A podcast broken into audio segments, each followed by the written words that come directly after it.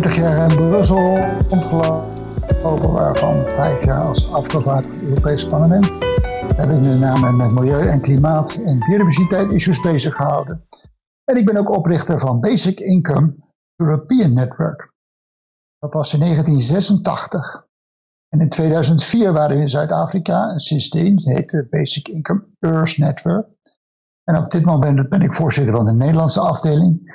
En we zijn dus een wereldwijde organisatie en er zijn 35 afdelingen in 35 landen op alle vijf continenten.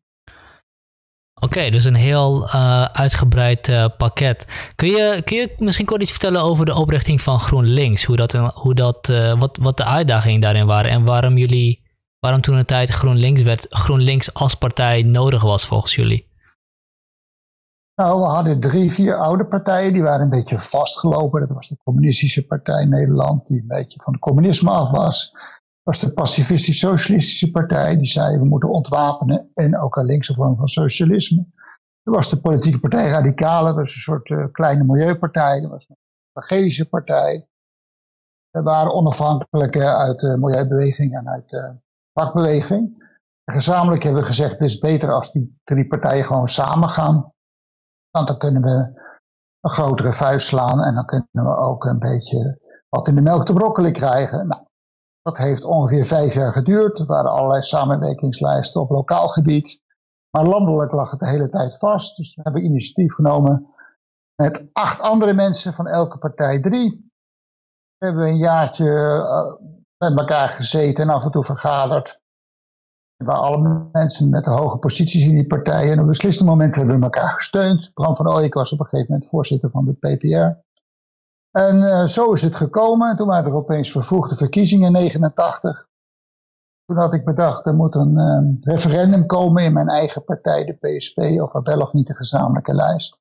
Mm -hmm. en, die, en die werd ruim gewonnen. En ja, vroeg de verkiezingen was het opeens go or no go. En toen werd het een go. 19 mei 1989. Vorig jaar heb ik dat gevierd. Na 30 jaar zijn we weer bij elkaar geweest met achter. Er was één persoon overleden in de tussentijd. En uh, ja, onze baby is schoon geworden, al heeft het wel 30 jaar geduurd. Ja, inderdaad. Um, hoe kijk je er nu tegenaan, tegen, tegen GroenLinks? Is het, uh, is het een beeld van nou, waar je op gehoopt had? Ja, steeds meer. Zeker sinds gisteren dat mijn partij, ja, de. Jesse Klaver, gezegd heeft dat hij uh, toch wel zijn bedenkingen over basiskomen laat varen. Er serieus mee bezig gaat. Sindsdien is het weer 110% mijn partij. Ja, dat is, dat is inderdaad uh, ook toevallig. Net gisteren heeft dus uh, GroenLinks een nieuwsbrief uitgestuurd uh, voor alle leden volgens mij. ik denk dat het een interne nieuwsbrief was. Ja, ja. waarin Jesse Klaver het over het basisinkomen heeft. Um, ik heb hem zelf niet gelezen, maar hij, hij had dus bezwaren over het basisinkomen en hij heeft die laten varen. Ja, dat klopt. En wat waren zijn bezwaren tegen het basisinkomen en waarom heeft hij ze laten varen? Ja, waarom? Nou, hij vond het veel geld, hè, 80 tot 100 miljard. Ja, het moet ergens vandaan komen, dat is waar. En hij vond het ook moeilijk om te zeggen, ja, zonder mol krijgt ook een basisinkomen. Ja, die miljardairs hebben natuurlijk geen basisinkomen nodig. Ja, daar heeft hij gelijk in, maar de oplossing is simpel. Je gaat ze gewoon een beetje meer belasten. Dat is het probleem opgelost. Ja. ja zijn eigen basisinkomen dubbel en dik uh, terugbetalen. Nou goed, dat, dat was volgens mij zijn bedenkingen, maar had een motie ingediend op het uh, digitale congres. Maar nou, eerst op het echte congres. Wordt dat nou uh, taal? Dat de Tweede Kamerfractie Jesse dus naar het Centraal Planbureau moet gaan om een bepaalde variant door te rekenen. Nou, die motie uh, was breed ondersteund. die kreeg positief pre-advies van partijbestuur, oftewel die wordt aangenomen. Hij kon eigenlijk niet anders. Dan het te laten doorberekenen? Of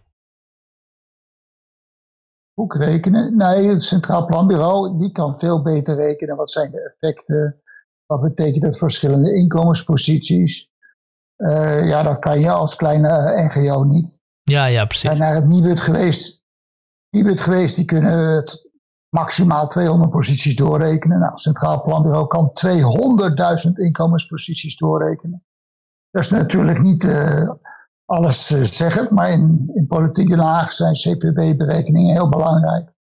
Dus het is belangrijk om een goedkeurend stempel te krijgen. Ja, en is die berekening nou al doorgevoerd? Hebben we daar de resultaten al van? Of is dat iets wat nog gedaan moet worden? Nou, voor GroenLinks moet die nog worden gedaan. Voor D66 wordt er op dit moment gerekend. En Thierry Baudet heeft ook een variant laten doorrekenen. En die staat inmiddels al op de webpagina van Centraal Planbureau. Oké. Nou, voordat we daar misschien al, verder uh, doorgaan, misschien uh, een stapje terugzetten al, en het hebben over het basisinkomen in het algemeen. Wat, uh, hoe ben je daarmee in verzeild geraakt? Hoe ben ik hierin verzeild geraakt? Nou ja, 30 jaar geleden was er al een enorme discussie in Nederland. Toen had je 12% werkloosheid. Die hoogwerkloosheid was boven de 30%. Dus toen zeiden degenen die werkloos waren van... Geen werk niet, geef ons maar een baanloos inkomen. En de andere kant zei, ja, in de Bijbel staat, je moet werken in het zweet des aanschijns. dat kan toch echt niet? En dat is onverantwoordelijk om zomaar geld te geven en niks terug te doen. Nou, dat was dus een hele scherpe principiële discussie. En toen ging ik in 1985 in Brussel werken voor de eerste groene fractie. En toen werd mij gevraagd een rapport te maken over basisinkomen. Dat heb ik gedaan. Zo ben ik erin verzeild geraakt en een jaar later uitgenodigd voor een congres in België. Louvain-la-Neuve. En er waren 50 mensen uit heel Europa. Vijf, zes mensen uit Nederland. En uh, toen zijn we begonnen met Basic Income European Network. Daar ben ik twintig jaar lang penningmeester van geweest. Ja, en als jij, uh, als jij het basisinkomen moet beschrijven, um, voor de mensen die totaal geen idee hebben, hoe zou je dat afzetten tegenover, laat ik zeggen, een uitkering? Of een nou, wel... als, mensen, als mensen nog nooit van gehoord hebben, zeg ik, het is de AOW voor iedereen. binnen een minuut. En binnen een minuut hebben mensen dan door wat het is, zelfs als ze er nog nooit van gehoord hebben. En het grote verschil met een uitkering is, als je een uitkering hebt en je gaat wat bijverdienen, dan moet je er allemaal weer inleveren. Mm En daar ga je financieel niet op vooruit. Nou, het interessante is, net een proef gedaan in Finland. Twee jaar lang kregen langdurig werklozen, langer dan twee jaar werkloos, kregen een basisinkomen. En wat blijkt, ze gingen meer betaald werk doen. Vergelijking met de grote groep die gewoon in de bijstand bleef zitten. Terwijl het inkomen wat ze kregen precies even hoog was. Sterker nog, bijstandsmoeders die gingen het meeste werken, nog meer dan anderen. Dat was dus heel opmerkelijk. Kun, kun, je, kun je het uitleggen? Uh, dus mensen gingen meer werken terwijl, terwijl ze dezelfde inkomen hadden. Ja, het grote verschil is met een basisinkomen, dat mag je houden, hoeveel of hoe weinig werk je ook doet. Dus mochten werken en 50% van hun extra inkomsten hielden ze bovenop dat basisinkomen je met een uitkering gaat werken, moet je flink meer dan het minimumloon gaan verdienen. Wil je er netto iets op vooruit gaan. Mm Sterker nog, die armoedeval is in Nederland veel groter geworden de laatste jaren sinds 2005. Omdat we al die toeslagen hebben gekregen die inkomensafhankelijk zijn. En omdat de PvdA in Rutte 2, dus het vorige kabinet, heeft besloten dat de heffingskortingen, dus de kortingen op de inkomensbelasting, ook allemaal inkomensafhankelijk zijn. Dat heeft tot gevolg dat iedereen de minimum, minima en modaal zit vast. Je kunt wel meer gaan werken, maar je gaat niet meer verdienen. Ja. Als jij 3% cao-loonstijging hebt, zijn we al blij. Dan gaat 2% rechtstreeks naar de regering. Toeslag wordt minder, je heffingskorting wordt minder, je arbeidskorting wordt minder, kinderopvangtoeslag wordt minder, et cetera, et cetera. Die laatste 1% die verdwijnt door de inflatie. In een onvervalst rechtsblad als Elsevier heeft in september een mooi nummer geschreven over 10 jaar Rutte. En zij schrijven, en dat zegt ook het CBS, de laatste 10 jaar zijn de laagbetaalde en 0, niks op vooruit gegaan. De hoger betaalde en de top helemaal wel. Voor hen was het een feestje.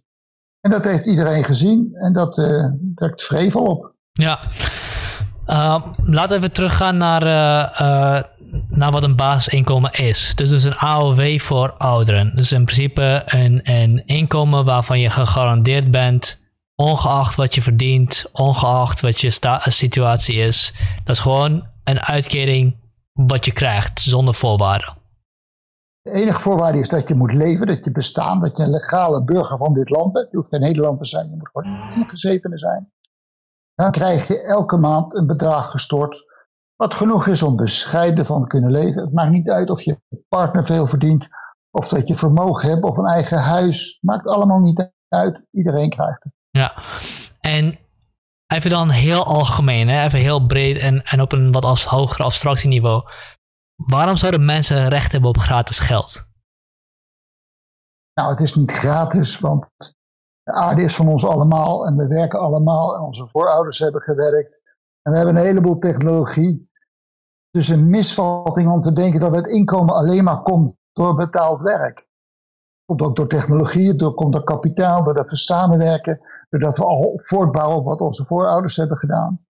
Als je dat allemaal, dus het is eigenlijk gewoon een recht om er te zijn. En uh, ja, we hebben nu 50 verschillende inkomensregelingen om de inkomens van mensen op peil te houden. Het enige wat je doet, dat terugbrengen tot twee of drie regelingen. Eén voor volwassenen, één voor kinderen.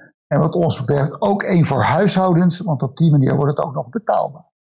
Dus wat je eigenlijk nu, nu zegt is, het basisinkomen is, is niet een cadeautje, maar het is een recht.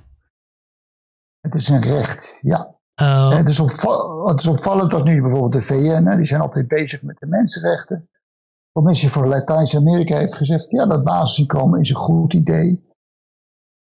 Eigenlijk een mensenrecht. We hebben ook een brief geschreven als 96 basisinkomenclubs over de hele wereld aan de secretaris-generaal van de VN van verklaar nu dat het basisinkomen een mensenrecht is. Maar waarom? Waarom is het basisinkomen een mensenrecht? Ik bedoel, ik snap dat, ik snap dat iedereen het recht heeft om te leven. Uh, maar waarom heb je ook het recht op gratis inkomen?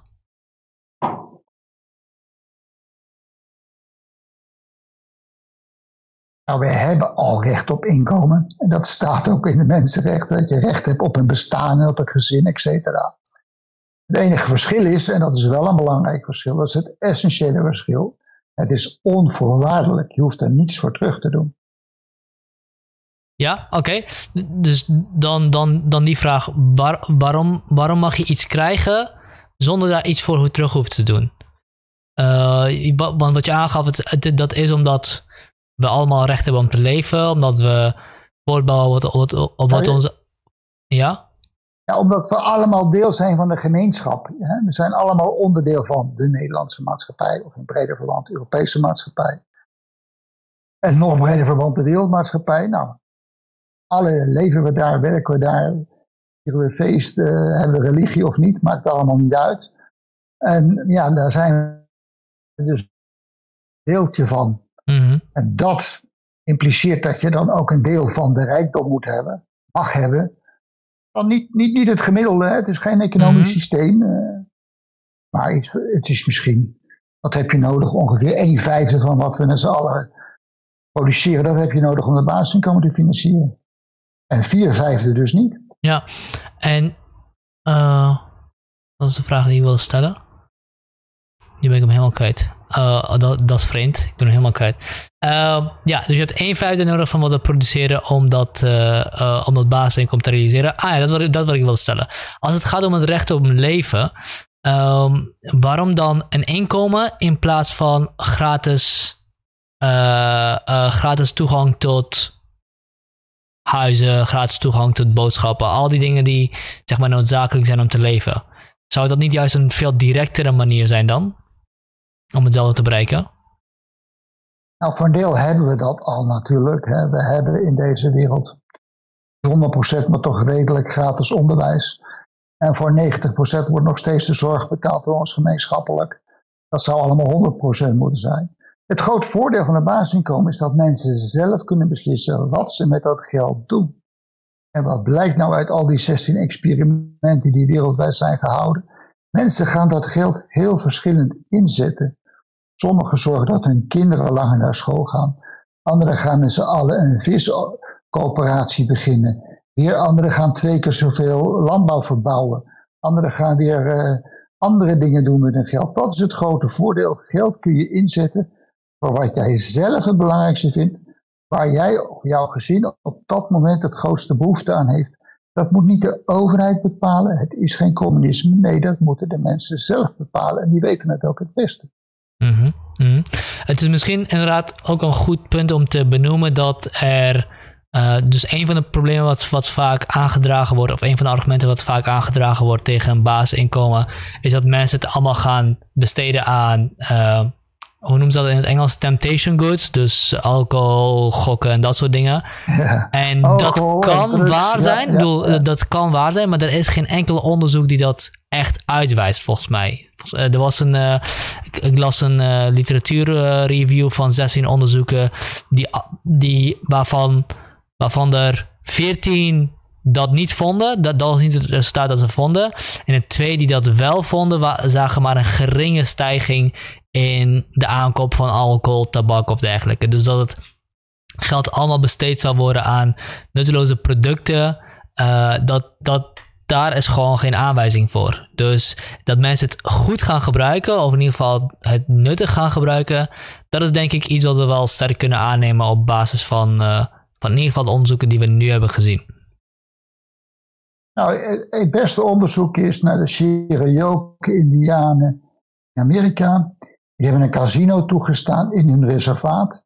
En uit de winstbelasting op dat casino betalen ze al 23 jaar lang basisinkomen aan alle leden van de Indianenstam in het reservaat. En mhm. wat blijkt, ze blijven net zo goed betaald werk doen. Er is minder alcoholisme. Het IQ van de arme kinderen is vooruit gegaan, omdat ze beter onderwijs hebben gekregen. Ja, er zijn eigenlijk alleen maar positieve resultaten te melden. In geval van dat onderzoek. En ja, dat is natuurlijk wel leuk, want dat loopt al 23 jaar. Hè? Dat is niet zo in Alaska, daar is het alleen een soort vakantiegeld. Hè, van 1000, 2000 dollar per jaar per persoon. Mm dus, maar dit is echt gewoon, gewoon een basisinkomen wat mensen al 23 jaar lang krijgen. Ja. Ja, en dat wordt daar. En wat, wat zijn de effecten die we daar zien over het algemeen van zo'n basisinkomen? Nou, dat er minder stress is, dat de gezondheid beter is, dat ook de mentale gezondheid beter is. Dat blijkt ook uit alle proeven die tot nu toe gehouden zijn. En inderdaad, dat het IQ van die arme kinderen omhoog is gegaan, omdat ze beter onderwijs hebben gekregen, omdat hun ouders domweg meer geld hebben gekregen.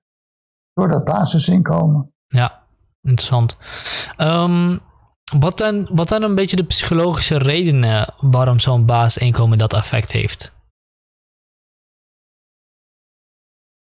Uh, als jij arm bent, dan ben je alleen maar bezig met overleven. Hoe ga ik mijn huur betalen? Hoe ga ik die rekening betalen? Dat levert een heleboel stress op. Of je hebt de schulden en de deurwaarder staat voor de deur. Dan kan je niet meer normaal denken. Ben je alleen nog maar daarmee bezig. Dat, dat levert een negatieve spiraal op. Met het basisinkomen is dat omgekeerd. Dan krijgen mensen die zekerheid omdat ze weten dat elke maand of elke week dat geld komt, daar kunnen ze van op aan. Het aardige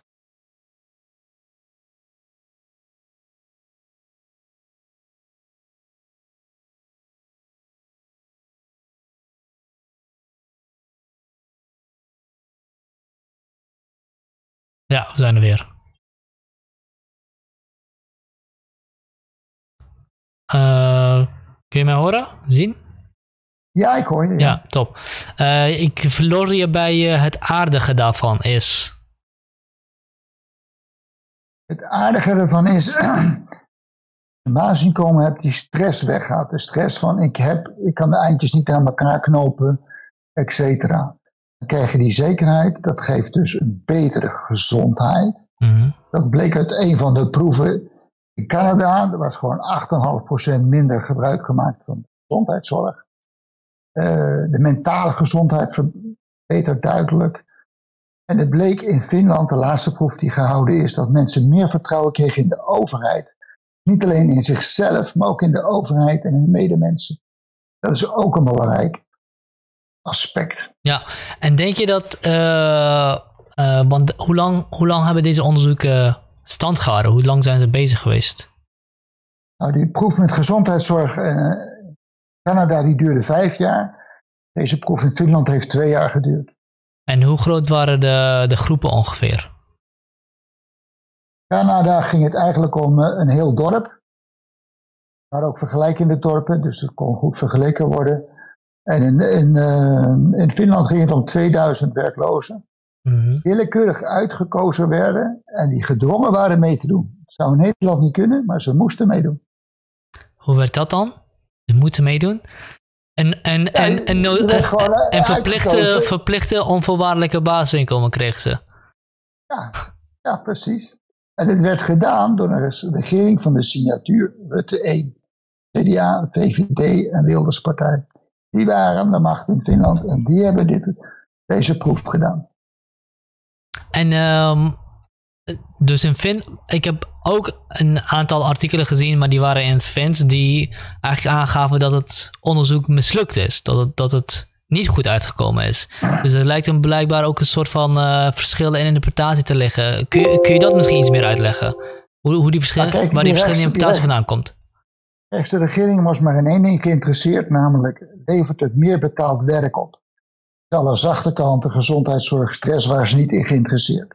Na één jaar bleek eigenlijk geen noemenswaardig verschil zat in deelname aan arbeidsproductie, mhm. arbeidsproces.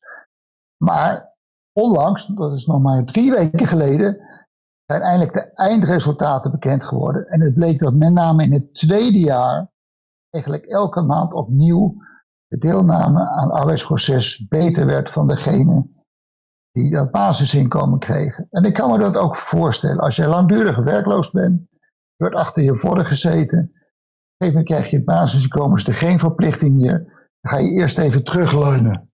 Mm Dan op een gegeven moment realiseer je, ja oké, over twee jaar is die proef afgelopen. Misschien toen moet ik toch wel iets gaan doen. Want ik kan de helft houden als ik een baantje vind. Dat gebeurde er. Dat gebeurde dus ook met name met bijstandsvrouwen bijstandsmoeders. Ja. Maar, dat was heel opmerkelijk. Mensen, gezinnen met kinderen gingen meer werken dan alleen staan. Ja, maar wacht even, hè? want je, je, geeft, je zegt dat waarschijnlijk in het tweede jaar mensen dachten: hé, hey, wacht eens even, deze proef is over een jaar afgelopen, dus ik moet nu even aan de slag. Denk je dat datzelfde effect was bereikt als, als ze niet het idee hadden dat het over een jaar afgelopen zou zijn, als het gewoon doorlopend zou zijn, of zou dan de situatie anders zijn? Nou ja, als je die grafiek ziet, zie je gewoon dat elke maand veel groter werd. Elke maand gingen er meer mensen van het basisinkomen betaald werk doen. In vergelijking met de grote groep die gewoon in de bijstand zat. Hmm. Ik denk dat het gewoon doorgelopen zou zijn, dat het verschil alleen maar nog groter zou zijn geworden. Ja. Ja. En, en, en mind you, je kan zelf beslissen hè, of je dan één dag in de week gaat werken of vijf, dat maakt niet uit, dat beslis je zelf. Want je houdt altijd iets over. Dat is het grote verschil met het huidige systeem. Je kan wel meer gaan werken, maar financieel heeft dat geen zin. Ja, werken wordt dan beloond in plaats van afgestraft. Ja, dus precies wat, wij wat de VVD roept. Werken moet lonen. Ja, maar nu loont werken in Nederland alleen voor degenen die een bovenmodaal inkomen hebben. Ja. Dat zijn meestal de VVD-kiezers. Ja, het is heel gek dat je in Nederland een loonsverhoging kan krijgen en er achterop op achteruit kan gaan. Ja, nou, dat is, nu, dat is nu veranderd. Dat werd vijf jaar geleden al door een SP-Kamerlid aangekaart. Rutte 2, toen heeft Rutte beloofd, ja, dat gaan we veranderen. Nou, dat heeft dus vijf jaar geduurd, maar het is nu veranderd. Eind van de huurtoeslag is nu geleidend geworden en niet meer abrupt. Hmm. Daardoor had je dat effect dat die dan net aan het eind van de huursubsidieschaal zaten. Opeens een inkomen achteruit gingen als ze net iets meer gingen verdienen. Ja. En um, dus wat, wat uit onderzoek blijkt, is dat mensen basisinkomen niet gaan gebruiken om, uh, om uh, allemaal slechte producten te kopen. Ze gaan uh, er juist meer doorwerken. Of in ieder geval mensen die weinig werken, gaan er, of die niet werken, gaan er door werken, worden gemotiveerd om te gaan werken.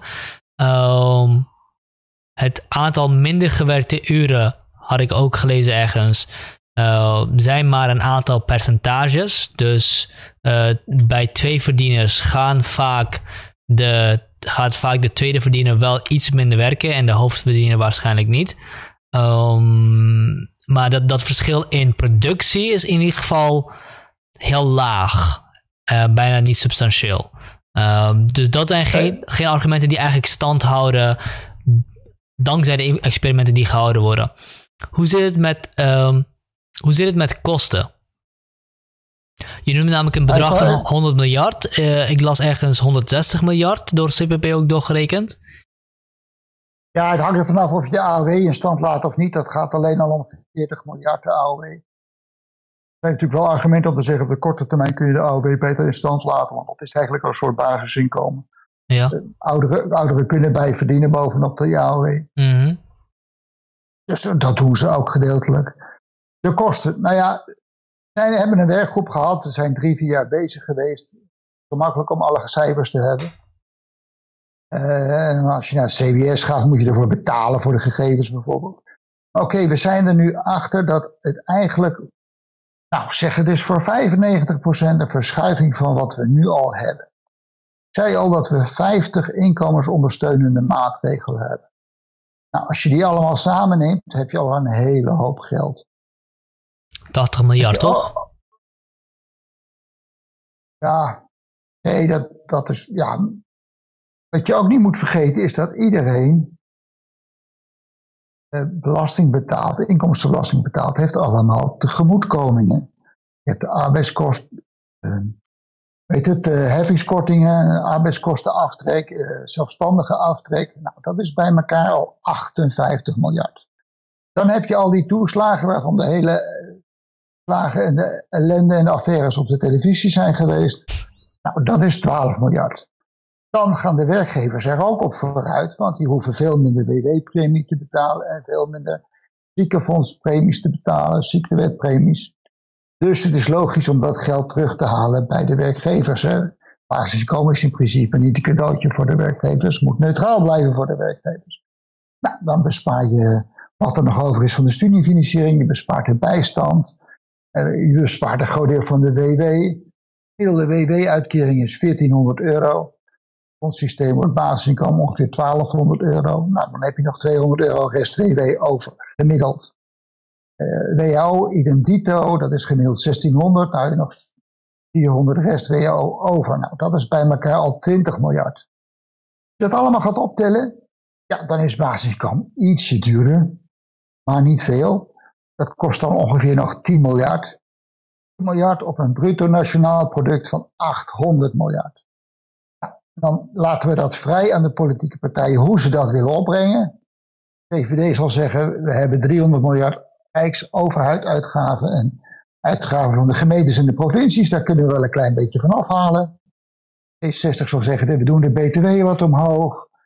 GroenLinks zal zeggen, we willen een CO2-heffing. De SP zal zeggen, we gaan de vermogens aanpakken de politieke wil daar is, dan kun je die 10 miljard makkelijk vinden. Ja, een bedrag van 10 miljard is nog wat te overzien inderdaad. Ehm, maar wat je dus eigenlijk zegt, als je, als je alles weghaalt wat we nu hebben, als we dat hele ambtenarenapparaat voor tegoedkomingen, uh, regelingen op dit moment en dergelijke, als we dat allemaal vervangen door één simpele basisinkomen deal, uh, dan komen we in principe nog maar 10 miljard tekort moet je natuurlijk niet rijk rekenen met hoeveel ambtenaren het bespaart, want je zal wel wat ambtenaren overhouden.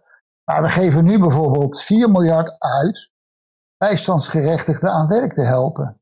Het werkt totaal niet. Hè. Het CPB heeft onderzoek gedaan. Is dat nou effectief? Niet alleen in Nederland, maar in heel Europa. Al die arbeidsactiverende maatregelen. Het blijkt gewoon helemaal niet te werken of onbewezen te zijn. Nou, dat is alleen al 4 miljard.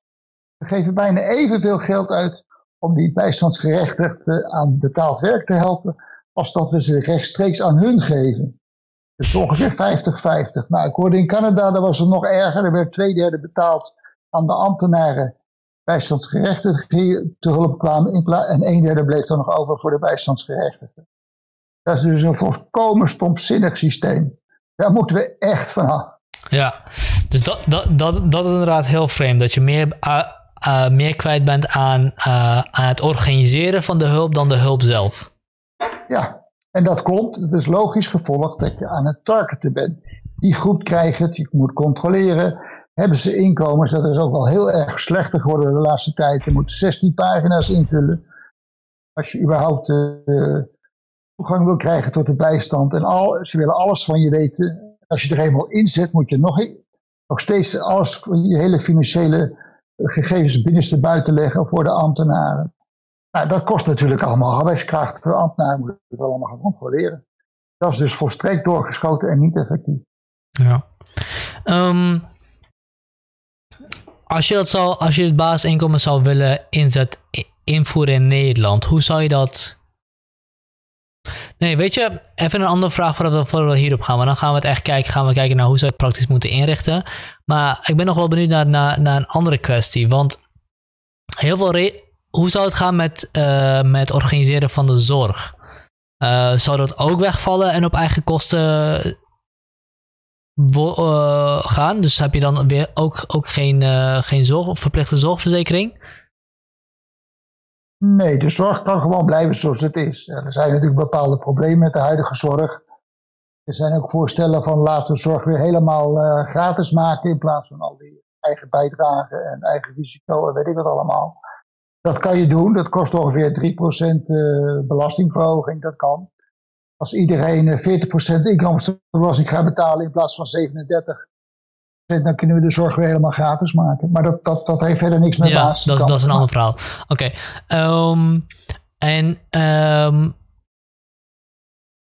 wat, wat, ik me ook kan voorstellen is dat zulke regelingen zoals nu um, de overheid helpen, en laat ik hem gewoon positief erin gooien, de overheid helpen om een oogje in het zeil te houden bij bepaalde risicomensen. Bijvoorbeeld mensen die uh, onderliggend lijden hebben en daardoor bijvoorbeeld niet aan een baan kunnen komen. Die eigenlijk misschien een de depressie hebben en, daardoor, en doordat ze, uh, uh, um, doordat ze zich moeten melden en dergelijke, dat dat zichtbaar wordt. Ik kan me voorstellen dat heel veel mensen, als zij in zo'n zo'n staat zitten, dus eigenlijk depressief zijn en eigenlijk hulpbehoevend zijn, doordat ze een basisinkomen krijgen en eigenlijk zich geen zorgen hoeven te maken over inkomen en dergelijke, helemaal wegvallen. Dus zichzelf misschien nog meer terugtrekken uit de samenleving. En dat is natuurlijk geen argument voor of tegen basisinkomen. Dat, dat kan een vuilkaal zijn voor specifieke groepen. Um, de vraag die ik hiermee wil openen is: zijn er wellicht problematische aspecten aan het basisinkomen waar we nog niet aan gedacht hebben. Kunnen er situaties ontstaan die, die onvoorzien zijn en waar je ook bij het invoeren van het basisinkomen rekening mee moet houden? Tot nu toe blijkt uit de proeven dat de mensen ondernemender worden als ze een basisinkomen hebben. Zowel in de klassieke zin van ondernemer worden als van de zin van dat ze dingen gaan doen en dat ze sociaal bezig zijn. Waar je bang voor bent, dat gebeurt eigenlijk niet. Is nu precies omgekeerd. Je hebt nu drie generaties op rij. Bijstand zitten in Klarendal in Arnhem, in de Schilderswijk in Den Haag. Voor die mensen is er totaal geen perspectief. Het enige perspectief wat zij hebben, zwart werk of drugscriminaliteit. Andere perspectief om eruit te komen is er niet. Dat is waar we ze mee hebben opgescheept. En dat komt door die armoedeval. Ze komen er gewoon niet uit omdat ze te weinig verdiencapaciteit hebben. Dan, een, uh, dan, wel een, dan wel een vraag over die, uh, over die mensen in de Schilderswijk en dergelijke. Um, als ik al in de drugscriminaliteit zit, of al, als ik al in het zwart werken zit, waarom zou een baas inkomen mij motiveren om dan wel wit te gaan werken? Want zwart werk hoef ik geen belasting over te betalen. Ja, maar het is, het is, het is een negatieve keuze. Hè? je kiest je niet positief voor de drugscriminaliteit niet positief voor dat zwarte werk. Dat is de enige manier om eruit te komen nu. Dat moeten we goed begrijpen. Als je een basisinkomen hebt, dan kunnen ze minimaal 50% houden van wat ze wit gaan werken. En dat zullen ze ook gaan doen. Ja, maar als ik ja, drugs verkoop, kan ik 100% houden. Ja, maar ze krijgen dan die keuze en een deel van hen zal dat gaan doen. Die zal voor die witte keuze kiezen en niet doorgaan in die zwarte keuze. Ja, ja, ik denk, ik denk, ik denk dat het ook, dat, dat, dat ook klopt hoor. Ik denk dat heel veel mensen in zulke situaties zitten, niet omdat ze het willen, maar omdat dat ja, het, uh, het makkelijkste is en misschien zelfs ook uh, het minst, het minst gezeik. Omdat ze niet zo hoeven te maken met alles eromheen. En als je een betere en positievere uitweg geeft, dat uh, veel mensen daarvoor zullen kiezen. Ja. Ehm, de meeste mensen deugen, dat klopt wel. Nou, dat de meeste mensen deugen is. Nou, ja, ik heb zo'n boek niet gelezen, dus ik, ik, kan er niet, ik kan er niet al te veel over zeggen. Ehm, het enige wat ik wil zeggen is dat uh, ook al deugen de meeste mensen, de meeste misdaden worden, maar, worden gepleegd door maar een klein aantal mensen. De, de zwaarste misdaden worden maar gepleegd door een klein aantal mensen. Dus ook al heb je uit een groep van 95 mensen, van 100 mensen die, waarvan 95 deugen, als die vijf echt verschrikkelijke mensen zijn, dan wil je nog steeds niet in die groep zitten, want dan gaan ze alsnog die groep terroriseren. Maar goed. Nou, nou ga ik iets vertellen wat je niet zult geloven, maar dat is wel waar. Ja. Een proef gedaan in India. Acht dorpen kregen basisinkomen en twaalf kregen het niet. Dat is geld van UNICEF. En wat bleek? Misdaad, de kleine criminaliteit, nam met tientallen procenten af. Want de meeste criminaliteit gebeurt door mensen uit de eigen gemeenschap. Mhm. Zeker daar in India. In Namibië hebben ze ook een proef gedaan. Precies hetzelfde resultaat. Misdaadcijfers gingen met 50, 60 procent omlaag. Omweg omdat die mensen dat inkomen kregen. En uh, hoe lang zijn die experimenten gedaan? En, en werden die effecten ook sterker naarmate de tijd vorderde? Dat was in India ongeveer twee jaar het experiment. Namibië geloof ik anderhalf jaar. Ik weet niet of ze sterker werden in de tijd. Dat weet ik. Ja, oké. Interessant. Um... En het is natuurlijk zo, de misdaad... Je kan dat niet zeggen, ja, dat is in Nederland ook zo. Nee, dat geloof ik niet. Maar ik claim ook niet dat de criminaliteit omlaag gaat in Nederland als er een basisinkomen komt. Maar voor die derde wereldlanden, ontwikkelingslanden, was er wel een duidelijk positief effect. Ja, ik denk dat inderdaad, uh, wat je benoemt ook belangrijk is, dat, dat, dat het effect van die basisinkomen ook sterk afhankelijk is van de lokale omstandigheden, lokale cultuur en dergelijke. De ene, de ene samenleving zal er anders op reageren dan de andere. Um, Behalve voor een aantal dingen die we steeds blijven terugzien. Namelijk dat minder mensen minder stress hebben, uh, minder noodzaak tot criminaliteit hebben en ondernemender worden. Want dat, is volgens mij, dat zijn volgens mij drie effecten die best wel vaak terugkomen, toch? Ja. En wat ook bleek, wat hebben we niet goed uitgediscussieerd, is ja, mensen in de bijstand gaan dan misschien meer betaald werken. Maar als je nou een goede baan hebt, ga je misschien minder werken. Hè? Wat ook genoemd wordt de partners van mensen die redelijk veel verdienen. Dan zeg ik, ja, misschien is dat wel zo. Het gaat misschien om 3% of 5%, of misschien 10% van die groep.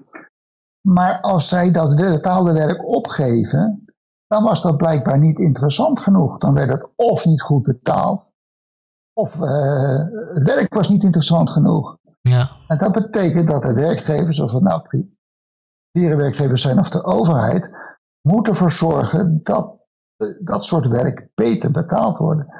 Veel mensen in de zorg, meestal vrouwen, worden slecht betaald. Er is ook een enorme uitloop en verloop bij de zorg. En, ze stijgen maar niet, die, eh, de lonen in de zorg. Dus ik zou het omgekeerd, ik had een gesprek over met Wouter Koolmees, minister van Sociale Zaken, een jaar geleden, zei ja, oké, misschien is basisinkomen wel financieel te, te betalen, maar ik ben bang dat de partners gaan stoppen met betaald werk. Dus ik, ja, dat is juist goed. Dan moeten ze beter betaald worden. Wat is er gebeurd de afgelopen 40 jaar? Aandeel wat naar de factor kapitaal gaat, is gegroeid van 9% naar 28%. En de factor die naar de, deel wat naar de factor arbeid gaat, is gekrompen van 91% naar 72% vakbeweging is domweg niet meer in staat om een beter loon te realiseren. Ze zijn te zwak geworden. Wat bedoel je met uh, geld dat naar kapitaal gaat en geld dat naar arbeid? Uh, arbeid, dat snap ik, dat is waarschijnlijk lonen, maar wat bedoel je met, precies met kapitaal? Nou, dat is ondernemerswinsten, dat is uh, aandeelhouderswinsten, dat is het verhuren van je woning, dat soort dingen. Okay. Dat is kapitaal. Ja, ja, en dat is ook een effect van, van het huidige beleid geweest? Nou, dat is het effect van dat de vakbeweging zwakker is geworden. Dus je ziet in die landen waar de vakbeweging nog sterk is, zoals in Zweden en Denemarken, daar valt het effect mee. Maar in Nederland, in Amerika, eh, in Engeland eh, zie je dat gewoon wat dan heet de arbeidsinkomensquote, wat gaat naar deel van de arbeid, overal dramatisch gedaald is. En dat is ook logisch, want 20 jaar geleden had, was 1 op de 3 werknemers georganiseerd in een vakbeweging. En nu nog maar 1 op de 6. Hmm. Hmm. En eigenlijk kan de vakbeweging, behalve in de overheidssector geen vuist meer maken. Oké. En dat is een van de redenen waarom zowel CNV als FNV intern nu over dat basisinkomen discussiëren. Ook omdat zij zien, er komen steeds meer werkende armen. Mensen die werken, ze, ze moeten met z'n tweeën werken of ze hebben twee of drie banen. En nog verdienen ze nauwelijks meer dan het minimum. Ja, dat is toch, uh, dat, dat, dat is toch erg dat het gebeurt. En, en ik snap ook niet hoe dat kan. Hoe kun je nou twee fulltime banen hebben en nog steeds onder het minimumloon blijven? Uh, onder het sociaal minimum blijven. Terwijl we gewoon een minimumloon hebben in Nederland. Ja, we hebben alleen een minimumloon als je een volledige werkweek hebt. Als je een deeltijdbaantje hebt, dan geldt dat minimumloon soms niet. Ah. Er, zijn allerlei, er zijn allerlei redenen waar dat niet toegepast wordt. Dus er moet A, een minimum, minimum uurloon komen om dat tegen te gaan. En nu, ja, ja, ja, we hebben nu een minimumloon, maar we hebben geen minimum uurloon. Ja, dat klopt. Um, Even dan verder gaat op, op hoe je dit zou toepassen in Nederland. Ik, denk dat, ik ga ervan uit dat jullie daar, daar al, uh, al duidelijk ideeën voor hebben. En, en het uh, voor, uh, voor de politiek zo makkelijk willen maken om het kant-en-klaar toe te passen. Een soort van IKEA basisinkomen setje. hoe, zou je dat, hoe zou je dat in Nederland gaan toepassen? en dan, en dan ja, ten eerste ben ik benieuwd naar sowieso naar de, naar de praktische overwegingen hoe ga je het toepassen. Maar ook... Um, ook om mensen mee te krijgen. Want ik denk niet dat, dat iedereen uh, het ermee eens zal zijn. Dat, dat, dat iedereen iets krijgt. Nou, we hebben opiniepeilers gevraagd. Wat vindt Nederland? Bij de vorige verkiezingen zei 45% het is geen goed idee. En 40% zei het is wel een goed idee. En 15% wist het niet. Nou, toen hebben we gepleit bij de politieke partijen. Zet nou experimenteren en onderzoek naar dat basisinkomen in jullie programma de Partij van de Dieren, door de GroenLinks, door D66, door de PvdA. Bij de laatste onderhandelingen heeft GroenLinks dat ook ingebracht. GroenLinks heeft gezegd, er moet een serieus experiment komen à la Canada of Finland. Toen was het compromis, dat hebben Duma en Rutte goedgekeurd. Alle gemeenten zijn vrij om te experimenteren met basisinkomen. Volgens is GroenLinks niet mee gaan doen. Klimaat was niet goed, beleid was niet goed genoeg, de inkomensongelijkheid werd niet genoeg teruggebracht. En er was een heel principieel meningsverschil of je mensen binnen of buiten de Europese grenzen moet opvangen als ze vluchteling zijn. GroenLinks is niet meegedaan en die zin is verdwenen. Nu mhm. is het zo dat een kleine meerderheid van de bevolking zegt, ja, het is wel een goed idee. 36% voor, 32% tegen en 32% zit er tussenin of weet het niet. En je ziet bijvoorbeeld dat bij partijen als Forum voor Democratie een meerderheid van hun kiezers voor is. Dat bij een partij als de PVV het half om half ligt.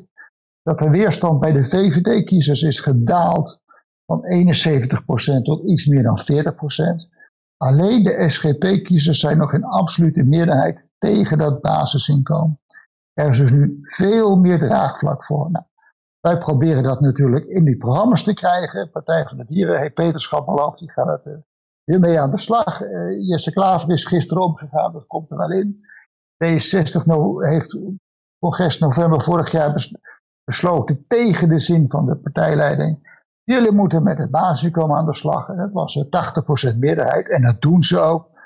D60 is nu ook aan het rekenen het Centraal Planbureau.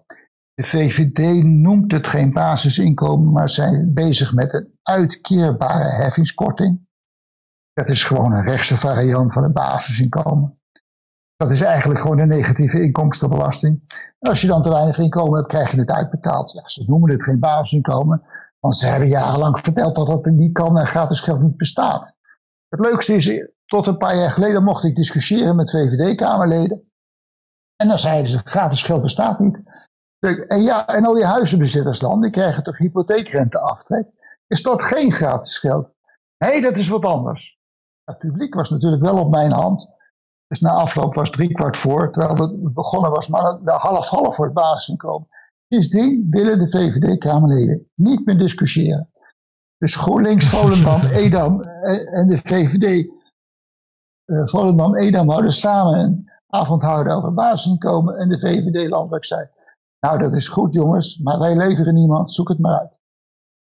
Ze durven niet met te discussiëren, maar intern hebben ze wel discussie. En professor Roelof Salomonsen, hoogleraar economie in Groningen, heeft een essay geschreven, belastinghervorming voor de VVD, en daarin prijst hij het basisinkomen aan. Dus uh, uh, binnen de Partij van Nederland en binnen de opinies van, van de Nederlandse bevolking wordt basisinkomen steeds meer een, een uh, steeds meer een besproken onderwerp en ook een steeds positiever besproken onderwerp. Ik moet wel zeggen, bij de PvdA en de CDA blijft het moeilijk. Dat zijn de partijen die de laatste tientallen jaren dit systeem hebben opgebouwd. Kunnen maar geen afscheid van nemen. Hun oplossing is een basisbaan. Geen basisinkomen. Maar de PvdA, de PvdA zou, uh, zou hiervoor uh, wel te porren moeten zijn, toch? Als uh, de Partij voor de Arbeider. De, meeste, de laagste inkomens, de, de arbeiders gaan erop vooruit. Ja, maar ze willen het niet. En hun kiezers zijn ervoor. Absoluut de meerderheid van de PvdA kiezers is voor, maar de leiding wil niet. En redenen? Het idee dat je alleen via betaald werk uh, kunt verwezenlijken. En ze denken dat het financieel niet kan. Nou, dat is nu bewezen. Zelfs door het Centraal Planbureau die zeggen, ja, financieel kan het best. Gewoon ideologie, ze willen er niet aan. Je moet betaald werken en het hele systeem moet afhankelijk zijn van het betaald werk dat je doet. Ja. ze willen gewoon terug naar vroeger. Ja, we hebben natuurlijk uh, een samenleving die gebouwd is op, op uh, werk voor inkomen. Um, en het is ook lastig, zeker voor, uh, voor veel mensen, om voor te stellen dat je leven zin kan hebben zonder werk. Of zonder dat je moet werken. Ja, het aardige is, de mensen gaan wel werken. Ze blijven niet stilzitten. Dat zie je nu met corona. En ze zijn gedwongen om thuis te zitten, worden gek. Ze willen naar buiten, ze willen dingen doen. Ja. Ze kunnen niet op die bank blijven zitten. Ja, ik, Hou je twee, twee weken vol en daar ben je helemaal gek van. Ja, ik, ik, denk, ik denk dat dat ook een, um, hoe noem je dat, een, een denkfout is. Om te denken dat omdat nu mensen verplicht moeten werken, dat wanneer ze niet meer verplicht zijn om te werken, dat ze dan ook niet meer zullen werken. Maar het, is het, het zit in het aard van het beestje om bezig te willen zijn, om iets te maken, om, om ergens mee aan de slag te gaan. Dus of het nou, of je nou, uh, weet ik veel, 100 miljoen euro hebt of, uh, of 10 euro, uh, mensen willen iets doen. Mensen willen ergens mee aan de gang gaan. En natuurlijk zijn er wel bepaalde mensen die, die misschien doordat ze gratis inkomen hebben minder zullen werken. Maar het grof van de mensen denk ik dat dat gewoon zal blijven doen. Omdat ja, je wilt gewoon iets doen in je leven. Je wilt gewoon echt mee aan de slag gaan. Ja, het aardige van het basisinkomen is zal ertoe leiden dat sommige mensen minder gaan werken. Maar een heleboel mensen, die 2 miljoen mensen, die een of andere vorm van uitkering hebben, die zullen wel kleine baantjes of grotere baantjes vinden. Totaal gaan er dan meer mensen werken, maar wel minder uren gemiddeld. En hoeveel procent minder uur? Uh, oh, ze gaan minder werken, maar het totaal wordt wel meer, maar het gemiddelde... Er gaan, meer, er gaan meer mensen werken, maar minder uren. Ja. Als je nu vijf dagen werkt en je krijgt een basisinkomen, dan zeg je, nou, ik ga nu vier dagen werken en ik ga één dag in de week voor mijn zieke moeder zorgen, zolang ze er nog is, want dat kan ik me dan financieel makkelijk veroorloven en nu, nu doe je dat niet. Ja. Want je verliest dan weer pensioenrechten en weet ik wat allemaal, en je verliest een vijfde van je inkomen, denk je, dat is niet zo.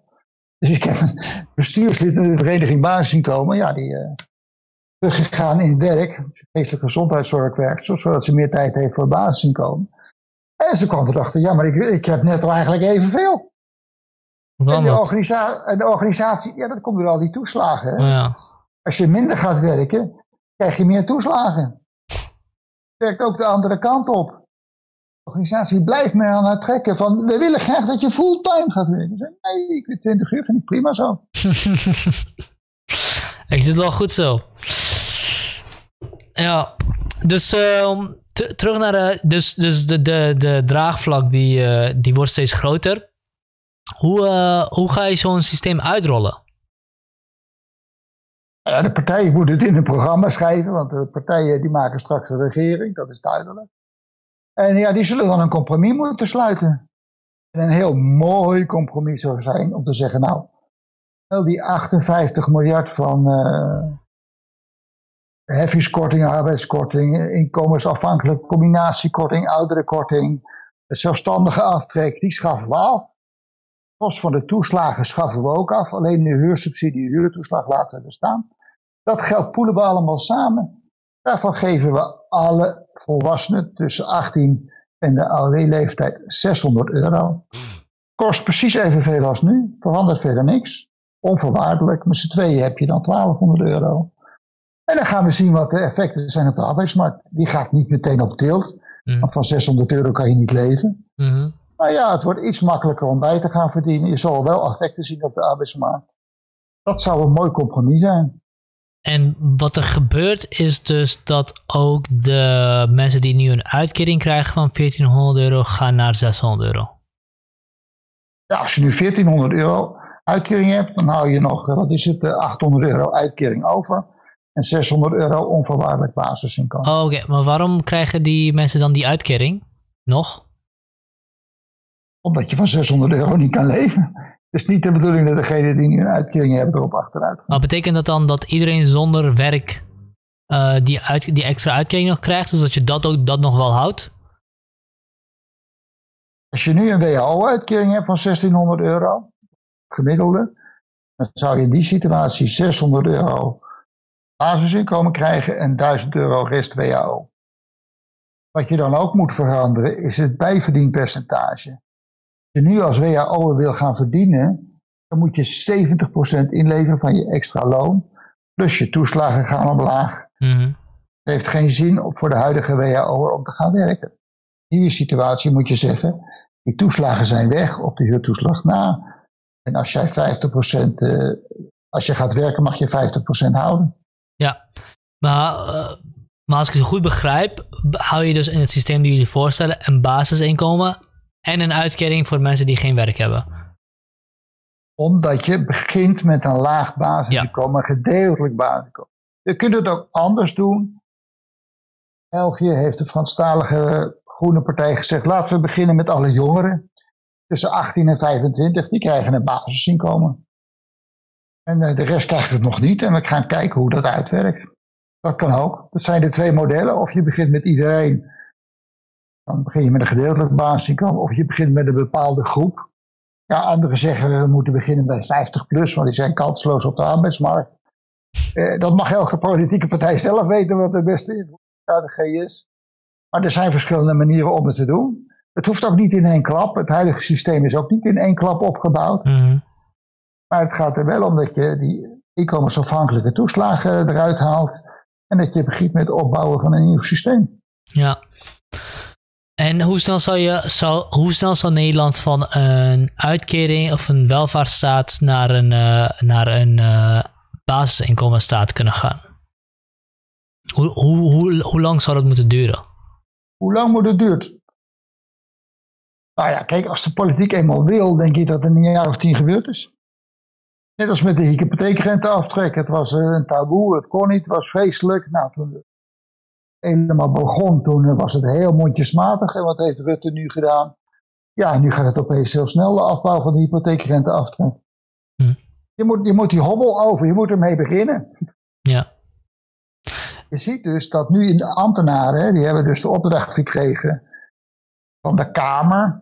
We hebben al die toeslagen, daar willen we vanaf. Betekent maar een alternatief systeem. Nou, dat is dus niet zo makkelijk. Je beginnen in te zien op ambtelijk niveau. Dat moet je dus integreren met het belastingssysteem. Je kan niet gewoon de toeslagen afschaffen, mensen 12 miljard afpakken en niks teruggeven. Dat kan niet. Dus je moet dat op een andere manier gaan vormgeven. Hmm. Je hebt nu het rare systeem. Als je weinig verdient, heb je veel toeslagen. En er staat niet genoeg belasting tegenover krijg je dat dus niet. Dus mensen hebben recht op toeslagen, maar krijgen het niet uitgekeerd. Kun je dat iets meer uitleggen? Ik zal hem niet helemaal. Ja, als jij ongeveer het minimumloon verdient, of ongeveer, dan kan je daar bovenop allerlei aftrekken krijgen. Bijvoorbeeld voor uh, heffingskortingen, mm et cetera. Nou, maar die krijg je niet uitgekeerd als je geen belasting, niet genoeg belasting betaalt. Oh, op die manier, ja, ja, ja in de rapport dat uh, het gestuurd heeft naar de Kamer, staat die voorbeeld dat het om tienduizenden mensen gaat aan de onderkant dus. die recht hebben op geld, maar niet krijgen omdat ze het zo ingericht hebben. Nou, als het dan de bovenkant was, dan was het al lang gericht. Ja, inderdaad, want die staan natuurlijk het dichtst bij, uh, die, uh, die regelen het wel. Um, dus die basisinkomen die zorgt ervoor dat mensen vrij zijn van de stress van, van armoede. En daardoor meer ruimte hebben om één, zichzelf te ontwikkelen. Twee, ondernemend te zijn. Drie, uh, wellicht, uh, wellicht uh, meer vrijwilligerswerk te doen en dergelijke. Um, het is te betalen in Nederland. We, we komen eigenlijk maar 10 miljard tekort, als ik het even plat moet slaan. Um, en uit de onderzoeken die er, of experimenten die uitgevoerd worden, komen er niet echt negatieve resultaten uit. Zeker niet als het gaat om hoe het geld besteed wordt. Het geld wordt over het algemeen uh, verantwoordelijk besteed, als ik het zo mag noemen. Is dat een beetje een samenvatting van, van het geheel? Ja, ik zeg altijd basisinkomen zijn twee dingen. Vrijheid, vrijheid om je eigen leven in te richten, dat is heel belangrijk. Niet afhankelijk van de uitkeringsgevangenis die we nu hebben. Maar het is ook zekerheid, bestaanszekerheid. Hè? We hebben 2 miljoen mensen, wat? 3 miljoen mensen, ZZP'ers en flexwerkers. Die hebben heel wisselende inkomsten. Nou, voor hun is die basisinkomen een zekerheid. Omdat ze dat gecombineerd met die wisselende inkomsten wel een fatsoenlijk leven kunnen leiden. En voor de mensen met vast werk is het ook belangrijk. Want die krijgen een alternatief. Als zij rot werk hebben, zullen ze eerder geneigd zijn om te stoppen met dat werk en wat anders te gaan zoeken. Dat doen ze nu niet, want de huur moet betaald worden, de hypotheek moet betaald worden en ze blijven maar doorhobbelen terwijl ze hun eigen werk soms helemaal niet zinvol vinden. En volgens hun eigen zeggen is een vijfde van de Nederlandse mensen met vast werk vinden hun eigen werk totaal overbodig en zinloos. Hmm. Ja, ja, heel veel werk wat er gedaan wordt is, is zinloos. En, uh, en ik ken mensen die vijf dagen op kantoor zitten, die, uh, die het werk in drie dagen al voor elkaar kunnen krijgen. Uh, ja, maar je moet gewoon die 40 uur vol krijgen, want dat staat in je contract. Dus je bent er maar van 9 tot 5. Ja, verschrikkelijk. Dat is toch, dat is toch, waanzinnig? um, um, zijn, er, zijn er mogelijke valkuilen voor het basisinkomen? Nou ja, wat we niet weten, als, men, als de hele maatschappij, een beperkte groep als een indianenstam, maar de hele maatschappij in Nederland dat basisinkomen krijgt, wat dat precies gaat doen met die arbeidsmarkt. Dat is een reden om te zeggen, we gaan het niet in één klap invoeren, maar we gaan het langzaam en gedeeltelijk invoeren. Om te zien wat die effecten zijn op de arbeidsmarkt.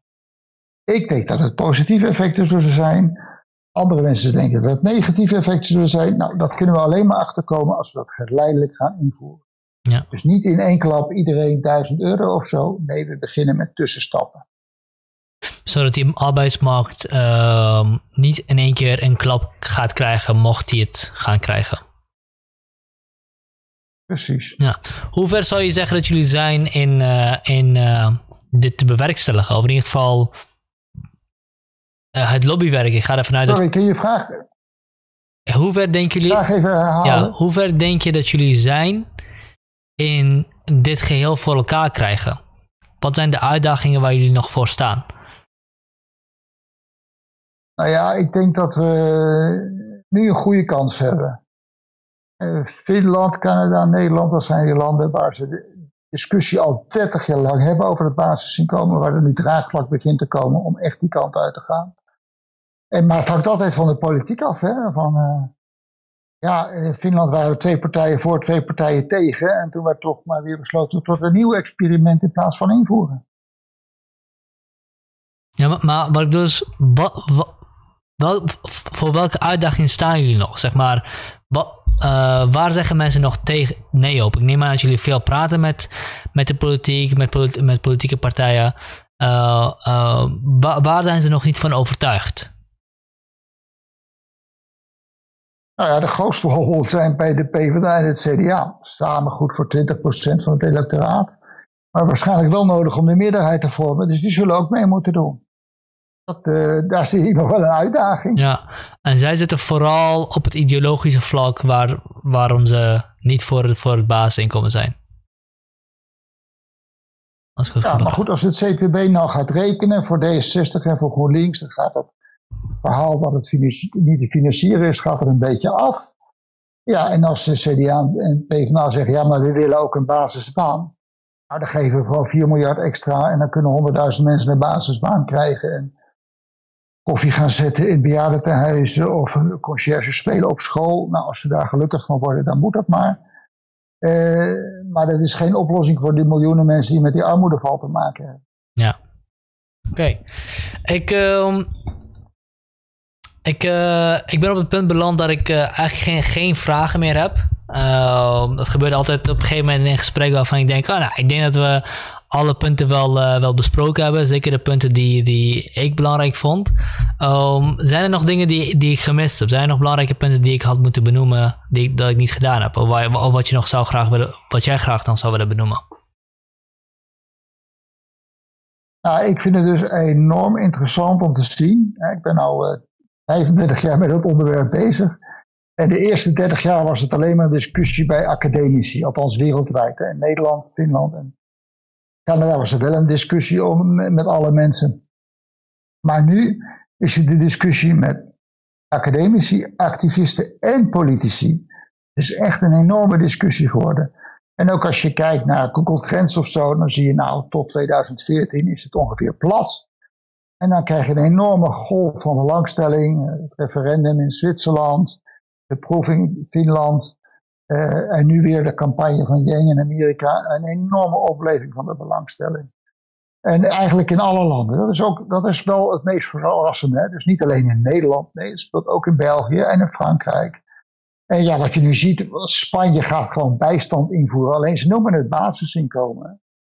Italië heeft hetzelfde gedaan. Die noemen het burgerinkomen, maar het is gewoon basisinkomen. Mm.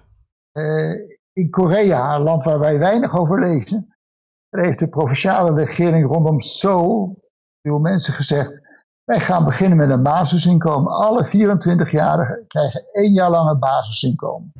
Nee, dat mocht niet van de centrale regering.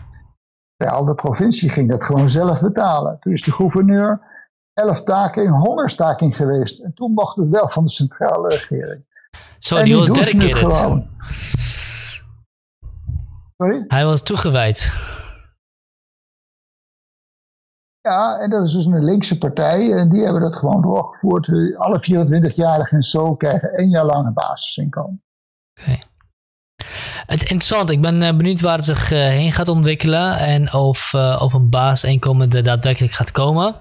En uh, ik ben ook heel erg benieuwd naar wat voor effect het gaat hebben op de wereld. Want we gaan dan, denk ik, voor het eerst in de geschiedenis um, de mogelijkheid om te overleven loskoppelen van de noodzaak om te werken.